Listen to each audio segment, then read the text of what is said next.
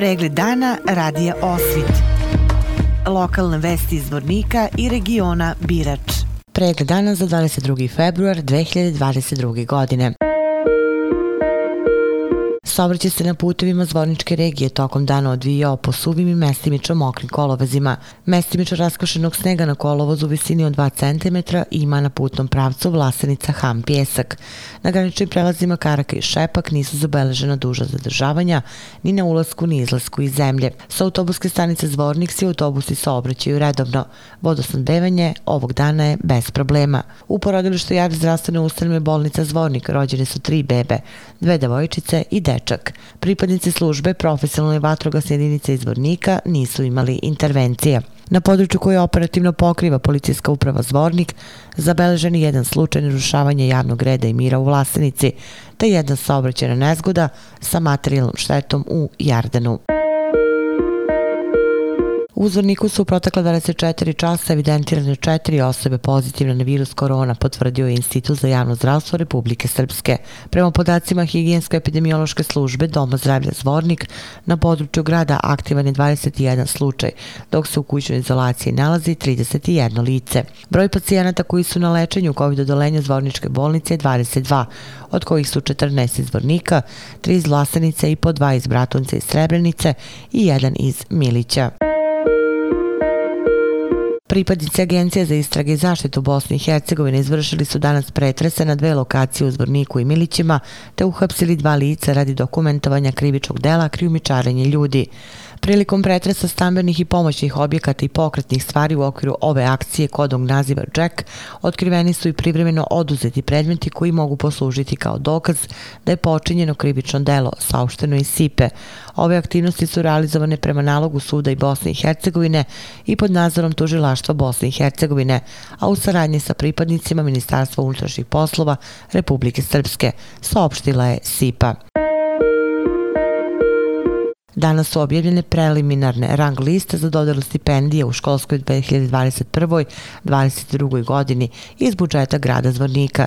Sve detalje saznaćemo u prilogu od Darka Stefanovića, načelnika odolenja za privredu i društvene delatnosti. Konkurs za dobijanje stipendija bio je objavljen krajem prošle godine. Podsjetio je Darko Stefanović, načelnik odjeljenja za privredu i društvene delatnosti grada Zvornik i dodao. Nakon uvida u svu dokumentaciju svih studenta, dakle negdje oko 205 studenta je ispunilo uslove konkursa. Objavljen je dakle, na oglasnoj tabli gradske uprave. Svi oni koji smatraju da su bilo na koji način napravili neki previd ili da, da imaju pravo da, da ostvare, ostali su ispod crte, imaju e, rok od 8 dana da ulože žalbu. E, ono što moram da napomenem jeste da u prethodnih nekoliko godina, koliko sam ja već tu, mi nikad nismo imali ni jednu žalbu. Dakle, sve se to detaljno pregleda i uslovi konkursa su poprilično jasni. Konkurs je razvrstan u šest kategorija. To su studenti sa prosjekom ocjena većim od 8,5, studenti e, nosioci Vukove diplome iz srednje škole, studenti slabog materijalnog stanja, studenti djeca iz kategorije porodice poginulih boraca, ratnih vojnih invalida i civilnih žrtava rata, studenti bez oba roditelja i studenti sa smetnjama u razvoju i studenti master studija sa prosjekom ocjena većim od 8. Dakle, ukupno 205 studenta koji su ispunili uslove po ovim kategorijama, njima je odobrena stipendija. Da li su se iznosi za stipendije mijenjali? Stefanović kaže. Stipendija iznosi 1000 maraka za studente sa prosjekom ocjena preko 8,5, za nosioce Vukove diplome, za studente master studija E, preko 9 koji imaju prosjek i za studente bez e, oba roditelja i studente sa smetnjama u razvoju, dok je za studente slabog materijalnog stanja ta stipendija 300 maraka i za studente e, djece iz kategorije porodice poginulih boraca, ratnih vojnih invalida i civilnih žrtava rata ta stipendija 500 maraka. Stipendijama po drugom konkursu su bili obuhvaćeni i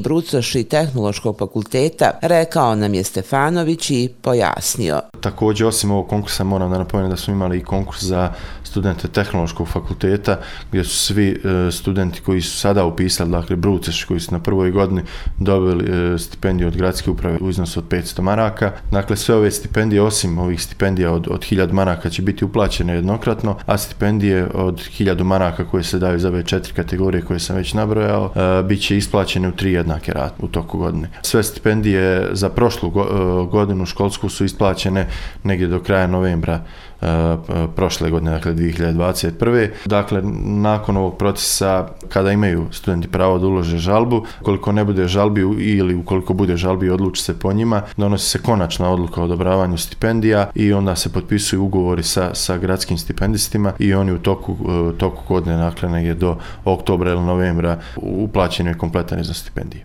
Za stipendije studentima budžetom grada Zvornik planirano je 200.000 konvertibilnih maraka. Protiv lice inicijala A. iz Bratunca podneta je krivičan prijava zbog prevare saopšteno iz policijske uprave Zvornik.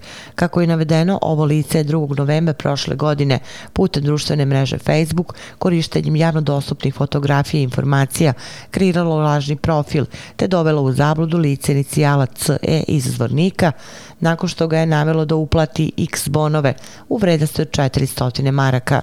Ove bonove navodi se iskoristilo na elektronskoj platformi kladionice, a novac podiglo u poslovnici u Bratuncu. Zbog navedenog inspektor za visokotehnološki kriminalitet sektora kriminalističke policije policijske uprave Zvornik je podneo izveštaj o počinjenom krivičnom delu okružnom javnom tužilaštvu Bijeljina. Policijska uprava Zvornik apeluje na sve građane da sa velikom dozom opreza koriste društvene mreže, kao i da ne ustupaju svoje lične podatke niti podatke o bankovnim karticama putem društvenih mreža mreža.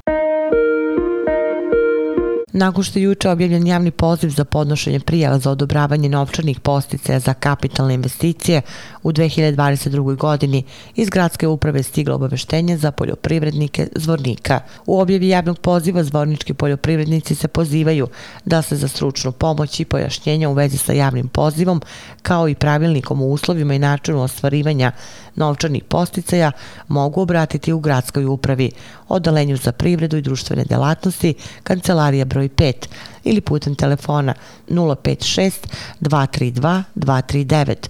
Pravo na posticine sredstva imaju fizičko i pravno lica sa prebivalištem u Republici Srpskoj koji su upisani u registar poljoprivrednih gazdinstava kao komercijalna ili nekomercijalna gazdinstva. Javni poziv je otvoren 30 dana. Međunarodni dan maternjeg jezika koji se obeležava 21. februara obeležen je u Zorniku zahvaljujući zaposlenim u Narodnoj biblioteci. Za mališane dečijeg vrtića Naša radost, osnovci i srednjoškolce organizovane su radionice pod nazivom Čuvajmo srpski jezik i ćirilicu detaljnije u prilogu. Najmlađi učesnici radionica povodom Međunarodnog dana maternjeg jezika, predškolci, mališani dječjeg vrtića Naša radost su posjetili i pozajemno ovdjeljenje biblioteke, gdje su uživali u čarima mnogobrojnih slikovnica koje su sa znatiželjom razgledali. Mališani ovog vrtića su u svojim domaćinima poklonili jedan pano sa slovima ćiriličnog pisma, kao i knjigu od kartona sa likom Vuka Karadžića koji su uradili zajedno sa svojim vaspitačima. Zaposleni u biblioteci su mališanima poklonili ćirilična slova, koja su oni za njih uradili pomoću svog 3D štampača. Prema riječima Dragane Kulić, koja je pripremila radionicu, veoma je važno da očuvamo svoj maternji jezik materni jezik, jezik prvi koji ljudsko biće usvaja najčešće u porodici ili od roditelja ili od staratelja. Narodna biblioteka zajedno sa školama i drugim ustanovama kulture neprestano ukazuje na važnost očuvanja maternjeg jezika. Dobar govornik postaje se čitanjem knjiga, a naša biblioteka sadrži blago maternjeg jezika. Ugostili malšane vrtića Naša radost i zainteresovane učenike osnovnih i srednjih škola. Učenici su kroz razgovor i kviz proširili svoje znanje i razvili svest o značaju negovanja srpskog jezika i ćirilice. Podsjetili smo se nekih starih narodnih reči na taj način se potrudili da ih oživimo u svakodnevnom govoru. Dakle, neophodno je da ispravimo i svoje greške i ukažemo drugima na tuđe pravopisne i gramatičke. Jezik se najbolje neguje u školskom sistemu kroz rad na gramatici i rečniku, međutim, neophodno je da njegove zakone ne zanemarimo ni u neformalnom govoru. Potrebno je dakle spriječiti neopravdanu upotrebu stranih reči ukoliko u leksičkom fondu srpskog jezika već imamo određenu reč, najbolje bi bilo nju da upotrebimo. Također je neophodno čuvanje i našeg pisma, Ćirilice, kao je od jednog od naše autentičnosti. Lepota ćiriličnog pisma ogleda se baš u grafičkoj jednostavnosti te u vizualnom utisku koji ostavlja na posmatrača. Koliko su zadovoljni radionicama povodom Međunarodnog dana maternjeg jezika, Kulić kaže. Zadovoljni smo odzivom učenika jer radionicama i predavanjima učestvovali su e, učenici i osnovnih i srednjih škola, također i mališani dečijeg vrtića Naša radost. Međunarodni dan maternjeg jezika je ustanovljen 1999. godine kao sjećanje na studente koji su 21. februara 1952. godine ubijeni u Daki u istočnom Pakistanu, danas Bangladešu, jer su protestovali zbog toga što njihov materni jezik nije proglašen za zvanični. Tradicionalna manifestacija Svetosimeonska akademija biće održana u petak 25. februara u osnovnoj školi Sveti Sava. Svečanu besedu će održati profesor dr. Saša Knežević sa Filozofskog fakulteta Univerziteta u Istočnom Sarajevu pod nazivom Sveti Simeon, arhijunak srpske pisane književnosti. U programu će učestvovati narodni guslar Petar Ostojić te učenici Tehničkog školskog centra. Na akademiji će biti uručene književne nagrade za knjigu godine u zvorniku za 2020 2021. godinu. Sveto-Simeonska akademija koju organizuje prosveta i jas oglas izdavaštva uz podršku gradske uprave u petak će početi u 18 časova.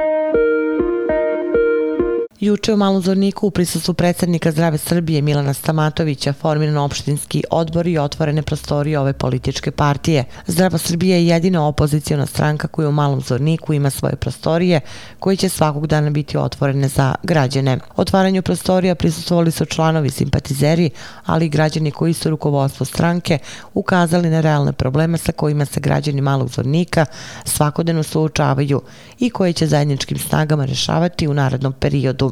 Predsjednik Zdrave Srbije Milan Stamatović prisutnjima je predstavio program stranke i govorio o planovima, ciljevima i očekivanjima u opštini Mali Zvornik, kao i o predstojećim izborima. Vesti iz Loznice. Na zasedanju gradskog veća u Loznici raspisan je javni poziv za dodelu sredstava grada za troškove van telesne oplodnje, a zahtevi se mogu dostaviti u narednih šest meseci. Građanke Loznice takvu podršku dobijaju već treću godinu uzastopno u pojedinačnom iznosu od 350.000 dinara, a do sada je rođena jedna beba i očekuju se još četiri, navodi su u saopštenju. Detalji na sajtu Lozničke novosti. Pratili ste pregled dana za 22. februar 2022. godine. Hvala vam na pažnji. Pregled dana radija Osvit. Lokalne vesti iz Vornika i regiona Birač.